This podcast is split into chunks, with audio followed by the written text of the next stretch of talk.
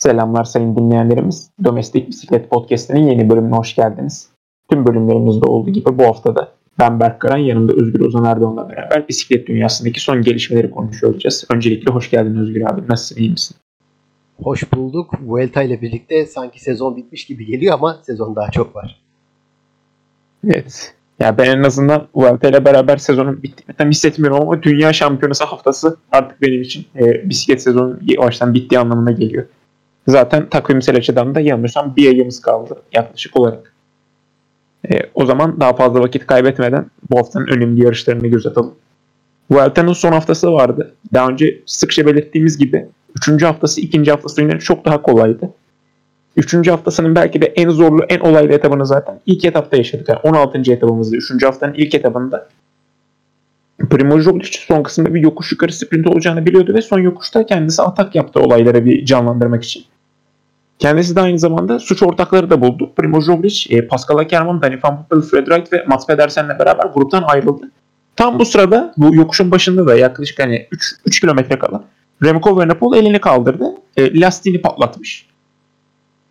Bunlar yaşanırken Roglic de önde işte zaman kazanmaya çalışıyordu. Son kısma zaten bu beşli belli bir zaman farkıyla geldiler. Sprinte kalkacaklarken Roglic hani önde çekiyordu grubu. Arkaya doğru gitti ve sonra yeniden sprinte girmeye kalktı. Ama sprinte büyük bir hata yaptı ve o sırada grubun en arkasında Fred Wright'a yandan çarptı. Kendisi de onun etkisiyle yerde kaldı. Ee, daha sonra dörtlü sprintin kazanı da Mats Pedersen oldu. Kendisi buradaki ikinci etap galibiyetini aldı bu zaferle beraber. Primoz Roglic e, sadece 8 saniye kazanabildi Evenepoel'a karşı. Evenepoel'un teker, e, tekeri patlattığı için son 3 km kuralından faydalandı. Ve de sadece öndeki gruptan 8 saniye fark edildi. Ana grupla beraber yazıldı zamanı. Onun dışında zaten asıl etkisini bir sonraki gün gördük. Primoz Roglic aldığı yani kazada aldığı yaralardan dolayı bir sonraki etaba başlamadı. Büyük bir ihtimalle artık kendisini o kadar fit de hissetmiyordu kazadan sonra. Hani belki kazanamadıktan sonra çok da bir anlamı yok diye uğraşmaya değer de görmemiş olabilir ama kendisi 17. etaba başlamadı. 17. etaba başlamamasıyla beraber genel klasman podyumumuz aslında burada bir şekillendi. Remco Evenepoel, Enrique Mas ve Juan Ayuso üçlüsü genel klasman podyumunu oluşturuyordu bu etaba girdiğimizde. Etap birazcık sessiz sakin bir etaptı. Kaçış grubunun içerisinden yani Rigoberto Uran, Kentin Paşa, Serrada gibi üçlünün sprintini gördük ve burada kazanan Rigoberto Uran oldu. Kendisi bu Vuelta'daki bu etap galibiyetiyle beraber 3 büyük turda da etap kazanan e, ne diyeyim, önemli isimler kervanı kendisi de katılmış oldu böylelikle.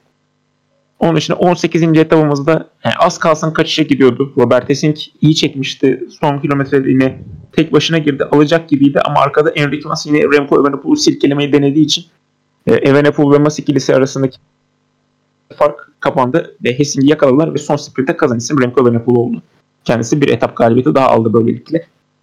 19. etapımız hani kaçışa gidebileceğini konuştuğumuz bir etaptı ama Mats Pedersen kendisini yine iyi hissediyormuş. O yüzden Trek Segafredo kaşı geri getirmek için iyi çabaladı. Mats Pedersen de hani finish uzak olsa da dağı iyi çıkınca e, Mats Pedersen grupla beraber geldi ve yani geniş sayabileceğimiz grubun sprinte kazanan isim yine Mats Pedersen oldu. Her zaman olduğu gibi Fred Wright yine yakındı. Yine bir zafere ulaşamadı. Onun dışında zaten 20. etapımız hani genel klasmanı etkileyebilecek son etaptı ama aslında etkilemedi de. Yine kaçış grubuna gitti etap. Richard Carapaz kaçış grubu içerisinden bu Vuelta'daki 3. etap galibiyetini aldı. Kendisi Ineos formasıyla koştuğu son büyük turda 3 etap galibiyeti alarak hani her ne kadar genel klasman amaçlamasa da bu 3 etap galibiyetiyle Ineos'a güzel bir veda etmiş oldu.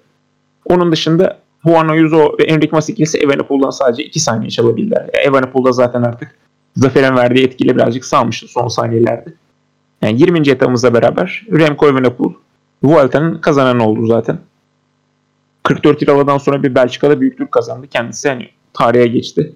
Aynı zamanda hala genç 2000'li olduğu için 22 yaşında gelen bir büyük tur şampiyonu. Enric Mas İspanyolların gururu. Son zamanlarda gördüğümüz en büyük İspanyol genel klasmancı. ikinci sıradaydı. Juan Ayuso da 19 yaşında e, bir büyük tur podyumuna çıkarak çok büyük bir işe imza attı. Herkesin Almeida'dan, bizim de Almeida'dan işler beklediğimiz bu Vuelta'da kendisi Vuelta'yı 3. sırada bitirdi. Çok büyük bir başarı kendisi için. 21. etapta da zaten kutlamalarımız vardı.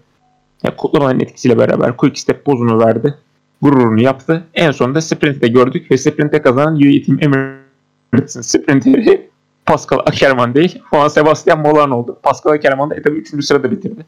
Hatta hani UAE Team Emirates'ten biri hani kendi takım arkadaşının kazandığını biliyordu. Pascal Ackermann'a doğru giderken Pascal Ackermann ben değil Molano kazandı diye gösterdi. O üçlünün kutlamasını izledik. Bu da değişik bir manzaraydı. Son olarak zaten şeyimiz böyle geçti. Genel klasman podyumunu söyledik. Yeşil mayo. Turun başında Özgür abinin söylediği gibi Mas Pedersen'e gitti. Hem rekor puanlı kırdı. Hani kendisi 3 etap galibiyeti aldı. Aynı zamanda hem dağları çıktı ara puanlara da saldırdı. Dağların kralı 3 etap galibiyeti kazanan Richard Carapaz oldu. Beyaz mayo tabii Remco Evenepoel'a gitti haliyle. Takım klasmanına kazandı. UET Members oldu.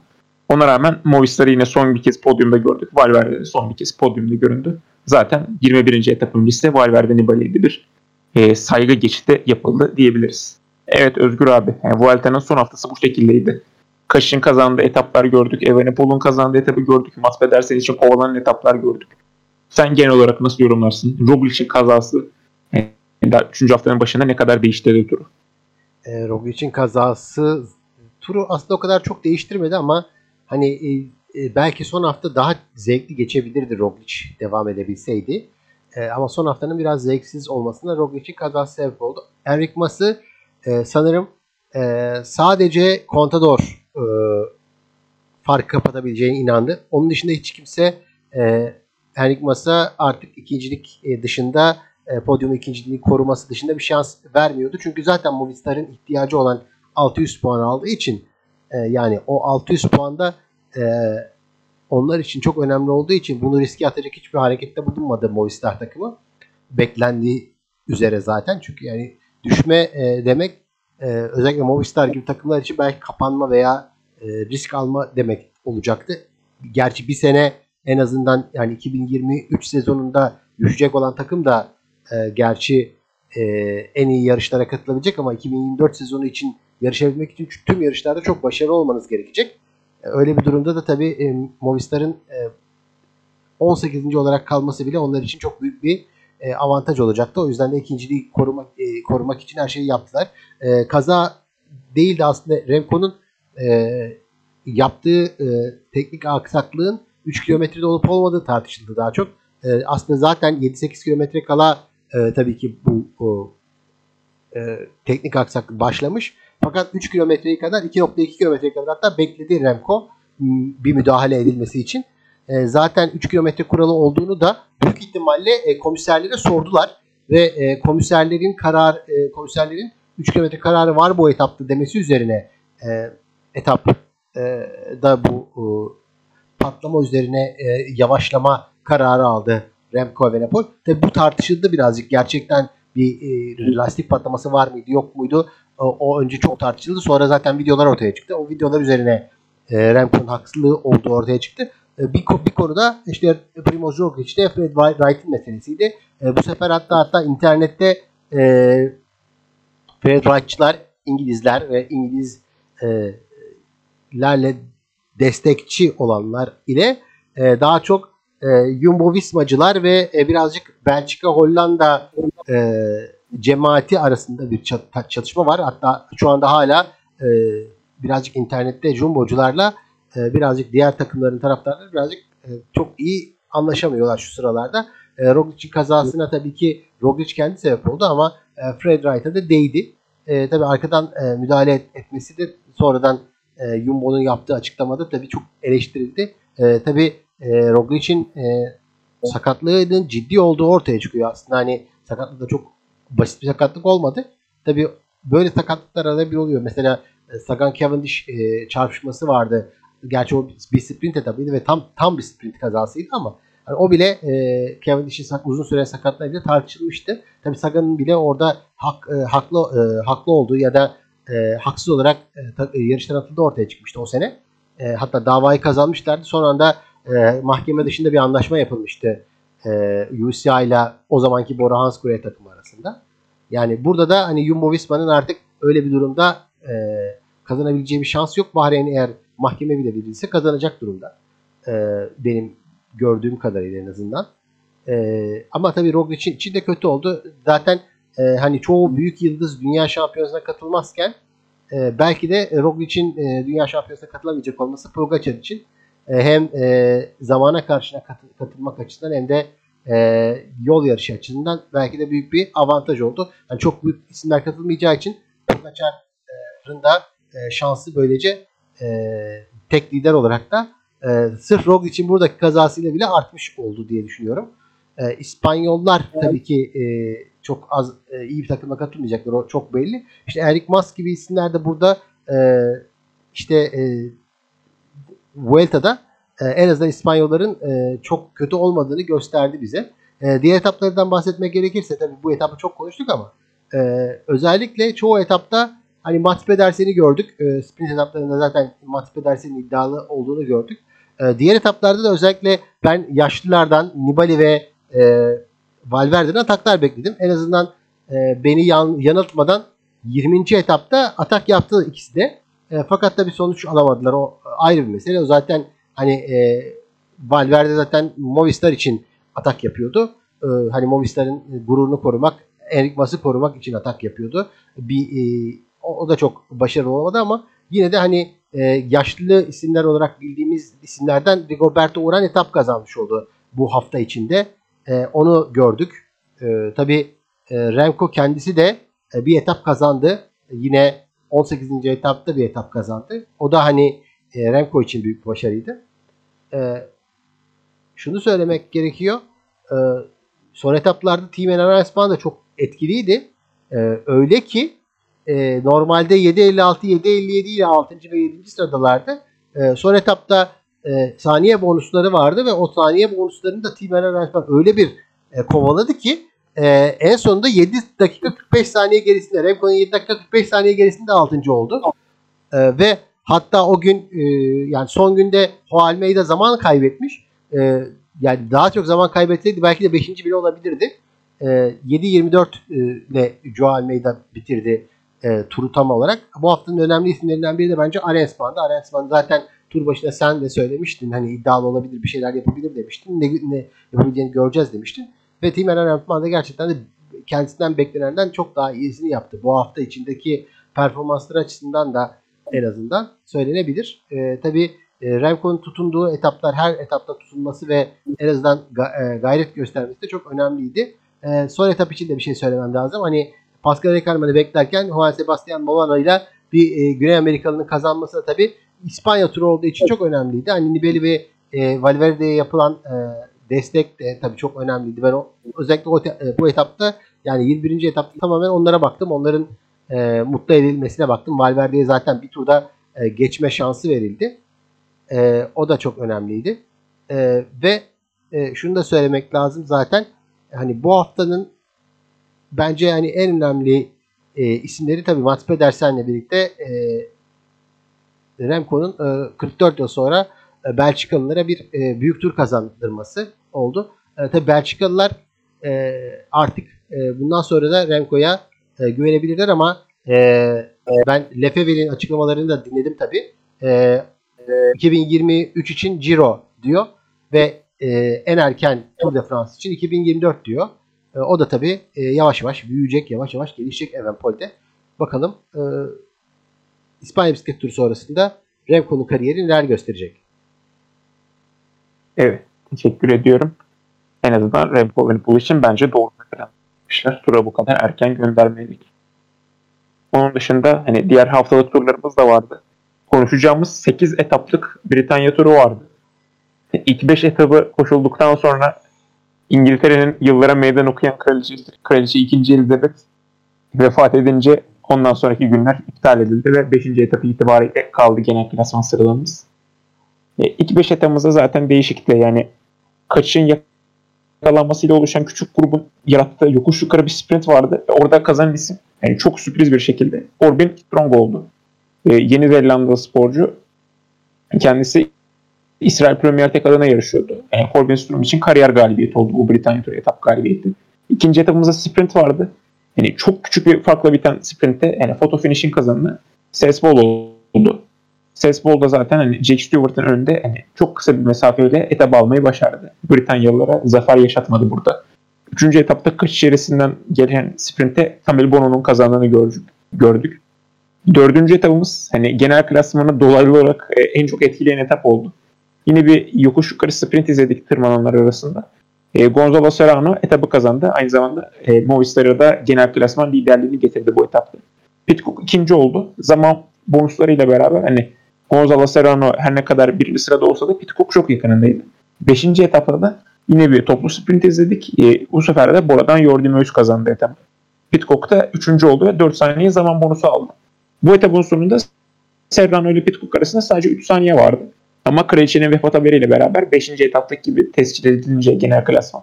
E, Gonzalo Serrano e, aynı zamanda Britanya turunun aslında genel klasman galibiyeti oldu ama hem ben Pitcock'un ilerleyen zamanlarda işte zaman bonusu alıp birinci olabileceğini düşünüyordum. Hem zaten ben Gonzalo Serrano'nun da çok içine sindiğini, düşüyor, içine sindiğini düşünmüyorum bu genel klasman galibiyetine. Evet Özgür abi o zaman bu e, e, aynı zamanda bu tur hakkında da görüşlerini. Aynı zamanda Kraliçe 2. Elizabeth'in vefat hakkında da birkaç kelam edebilirsin tabii.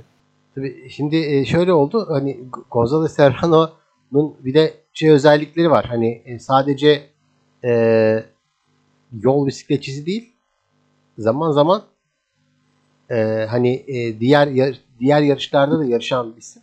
O yüzden de hani e, Pitcock'la ilginç bir yarışı olduğunu düşünüyorum. E, ve hani e, Movistar'da da e, genç bir isim. Hani e, genç bir isim değil aslında. 28 yaşında ve hani e, büyük turlara pek e, götürülmedi ama hani Vuelta'ya 2019-2020 yıllarında Vuelta'ya gitmiş bir isim. E, hani e, işte Britanya turuna gitmesi de hani bir şekilde puan alma isteğinden kaynaklanıyor büyük ihtimalle. Hani takıma giremedi. Çünkü Türkiye turunda 8. oldu. 2019 yılında daha önce tarihimizde e, geçmiş yıllarımızda 8. E, olmuşluğu var e, Türkiye turuna katılıp. O zaman Kaharural'de yarışıyordu. Sonradan tabii Movistar'a geldi. Movistar henüz onu pek büyük turlara götürmedi. Ama yine de hani bu sene ihtiyaçları vardı ve puan almaya da ihtiyaçları olduğu için yarıştırdı. Ve Britanya turunda çok iyi iş yaptı Gonzalo Serrano.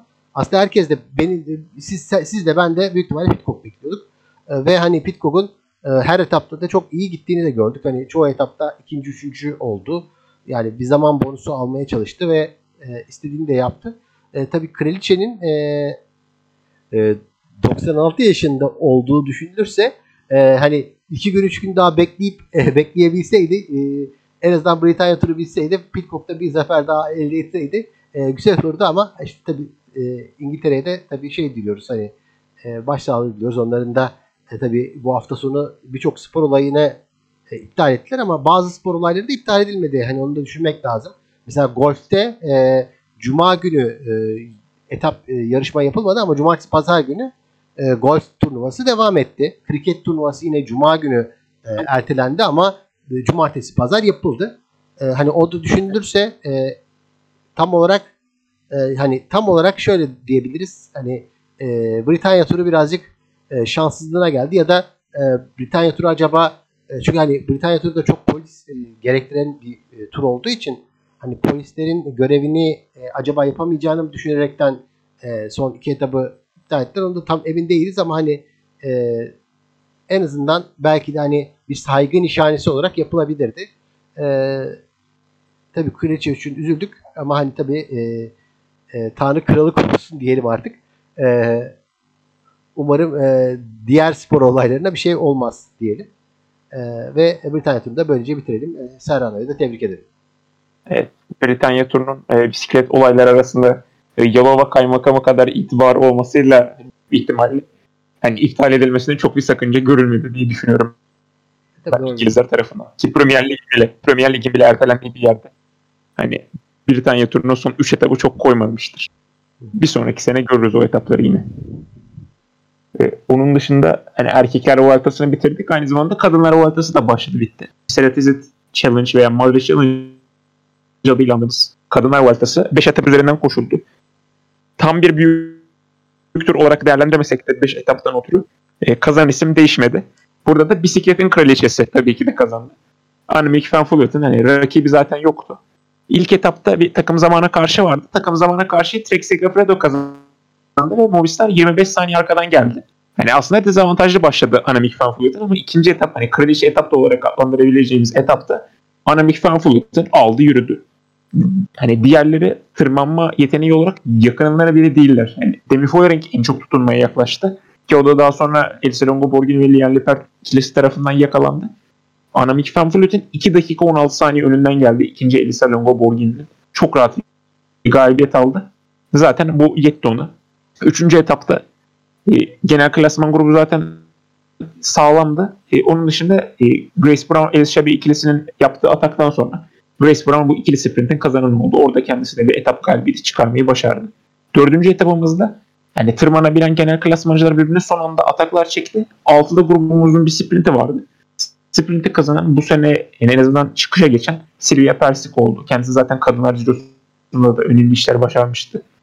E, kendisi zaten bu şeyin ardından Demi Follering'in önünde e, düzgün bir şekilde etap almayı başardı.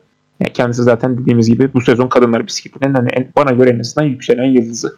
Beşinci etapımızda Madrid Madrid arasında bir sprint etabıydı. Elisa Balsamo da buradan kendisine bir şey çıkarmayı başardı. En azından boşuna gelmemiş oldu. V5 zaten bir önceki hafta genel klasman galibiyeti bile alırken Elisa Balsamo en azından bir sprinter olarak ben de bir şeyler kazanayım dedi ve Madrid etabını kazandı. Onun dışında benim için çok şaşırtıcı sonuçlar yoktu. Evet Özgür abi. Anamik Van Fullet'in övebilirsin.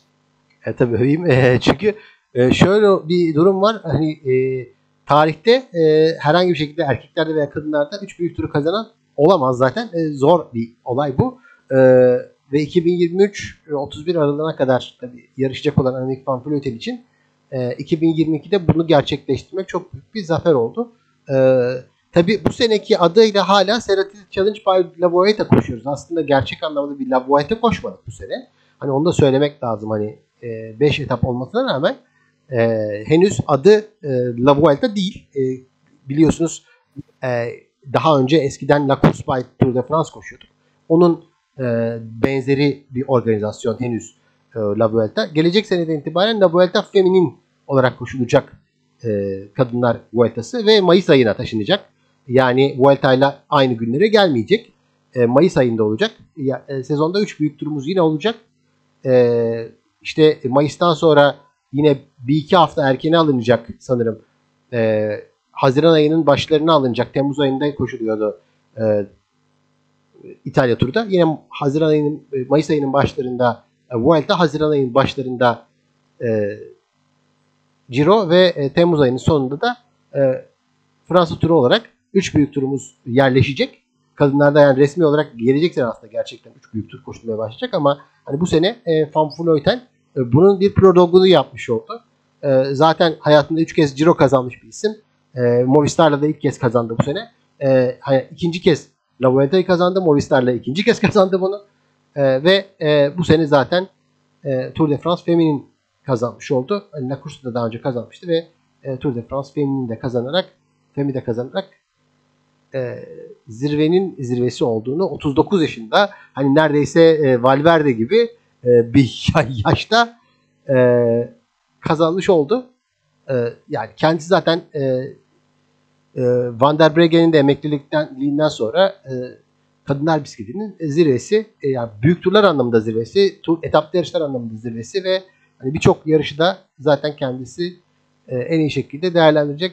E, onu kendi onu yarışırken izlemek bir e, muhteşem bir şey ve onu yarışırken izleyeceğimiz için de hani dünya şampiyonasına da gidecek e, ve e, 18-9, 21-9 ve 24-9'da 3 yarışı birden var. Hani onu da e, yarışlarda izle, izlemek büyük bir e, şey olacak.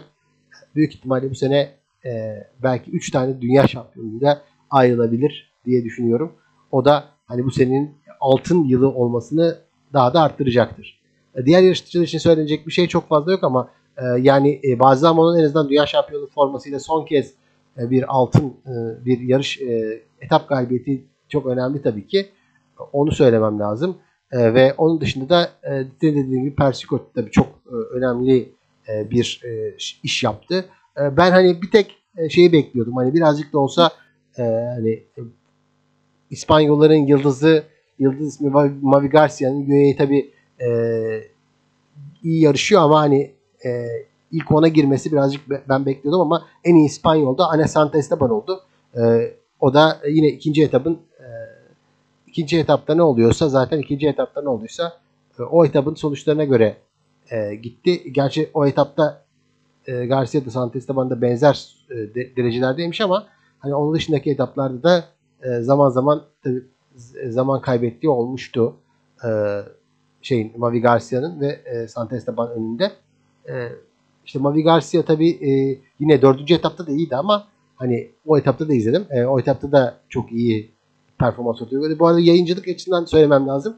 Hani e, saati olarak e, iyi denk getirildi. 19.20'ye tam böyle e, şeyin bittiği anlarda başladı. Bir saat böyle bize e, yayın yaptılar ve hani yayın olarak da e, tabi e, bilmesek e, Fransa turunun kadınlar yarışını tekrar izliyor gibi bir his vardı. Tüm grafikler falan her şey aynıydı. O birazcık hani onun dışında hani e, olumsuz bir yanı yoktu. Biraz kısa olmasının dışında hani Vuelta e, bu sene başardı. Gelecek sene de umarım e, tek başına da kadınlar turunu en iyi şekilde düzenleyecektir. Evet. O zaman haftalık turlarımız bitti. 3 tane de tek günlük klasiğimiz vardı. Ee, uzun bir aradan sonra Kanada'ya geri döndük tek günlük klasiklerimiz için. 2019'dan sonra ilk kez koşudan önce Grand Prix Quebec vardı. E, Quebec'teki yarış zaten hani genelde dünya şampiyonluğunu oynayacak kişilere yönelik hani bir klasik. E, açıkçası yine şeyleri gördük. Yine böyle bir profil gördük. İyi tırmanışlar vardı. Son yokuşta atak yapan Benoît Cosnefora çok doğru bir zamanda yaptı atağını 2 kilometre kala. E, grubun önünde de Wout kalınca ve Wout daha sonra çalışmak istemeyince aslında diğerleri de sprinte Wout beraber girmek istemiyor galibiyet için. Öyle bir durum yaşandı ve o boşluğun yarattığı etkiyle beraber Benoît Cosnefora kendisi için kariyer galibiyetine ulaştı bence.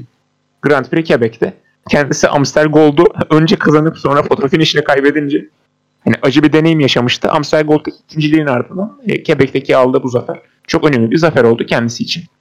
İkinci sırada sprinti kazanan isim bir Avustralyalı Michael Matthews. Genelde zaten Quebec ve Montreal'de iyi işler yapıyor. E, dünya şampiyonası içinde Avustralya'nın en önemli umutlarından biri. Üçüncü sırada Binyam Girmay vardı. Halfanart ise dördüncü tamamladı. O tek günlük klasiklerdeki e, kötü sonuç almama grafiğini böylece devam ettirdi Fanart. Hani en kötü gününde yine dördüncü olmayı başardı. Onun dışında pazar günü bu sefer hani Quebec'in kardeş etkinliği olan Montreal'i koştuk. Ee, burada son kilometrelere doğru bir yine hani aslında son kilometrelerde boyun ataklarının havada uçtuğunu gördük ama hep biri geri getirmeyi başardı. Ama en son 5 kişilik grubumuz gitti. E, bu grubun içerisinde Quick Step'ten Andrea Baggioli, Ineos'tan Adam Yates, e, Grupama FDJ'den David Godu, e, tabii ki Jumbo Visma'dan Fuat van Aert ve UAE Members'tan Tadej Pogacar vardı. Bu beşinin sprintini izledik. Sprinte yani aslında David Godu çok önce başlamıştı sprinte. Zaten bunun bedelini daha sonra ödedi. Sprinti erken açan başka bir isim ise Tadej Pogacar'dı. Kendisi yaklaşık 24 saniye süren bir sprint attı. Ve bu eforun kendisi üzerinde hiçbir etki yaratmadığını gördük. Tadej Pogacar 24 saniyelik çok güçlü bir sprint attı. Ve de Grand Prix Montreal'in kazananı olmayı başardı. Aert, Andrea Bajoli gibi isimler önünde hani bir sprint kazanmak da çok önemli bir iş kendisi için. E, sprinte uzun atınca Aert ve Andrea Bajoli'nin gücü yetmedi. Çok mantıklı ve düzgün bir sprint oldu. Bir sprint kararı oldu Pogacar açısından. Kendisi zaten biraz önce dediğimiz gibi hani Roglic zaten katılamıyor sakatlığından ötürü. Mohoric de hastalığından dolayı dünya şampiyonasına gidemiyor. Dünya şampiyonasında Slovenya'nın en büyük umudu Tadej Pogacar olacak. Ki kendisi bence çok önemli bir galibiyet aldı. Van Aert'ın önünde olması ve sprintle alması da hani ayrı bir korku etki yarattı bende. En sonunda bu Quebec ve Montreal'e göre daha küçük kalan GP e, Grand Prix Fourmier vardı. E, Grand Prix Fourmier'de zaten sprintle bitti. Sprinti kazanan isim de Caleb Ewan oldu. Dylan Groeneweg'in önünde kazandı. Üçüncü sırada Arkea'dan Amaury Capio vardı. E, Caleb Ewan da en azından o Nisan ayında Cumhurbaşkanlığı bisiklet turunda kendisiyle çektirdiğim fotoğraftan sonra uğursuzluğu birazcık üstüne atıyor gibi. Kendisi büyük turlara her ne kadar boş geçse de son zamanlarda en azından bir şeyler kazanıyor gibi. Almanya bisiklet turunda bir etap almıştı.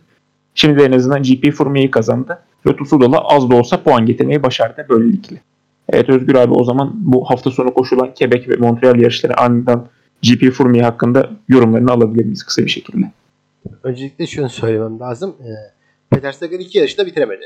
Ee, hani e, benim için hani e, bu iki yarışın da önemi daha önce zaman zaman bir sürü kez Peter Sagan'ın bu yarışlarda çok büyük iyi performanslar ortaya koymasıydı ve e, Peter Sagan'ın iki yarışı da bitirememesi tabii e, birazcık üz- üzücü oldu diyebilirim. Yani e, çünkü hani Peter Sagan'ın hep her zaman en uygun yarışlar oluyordu ve dünya şampiyonaları öncesinde de hep bu yarışlara e, katılmıştı zamanında. Hani e, kendi katıldığı yıllarda da e, çok iyi yarıştığı yıllardı. ve e, çok da başarılı bir performans ortaya koymuştu bu yarışlarda ama bu sene e, iki yarışta çok iyi olmadı.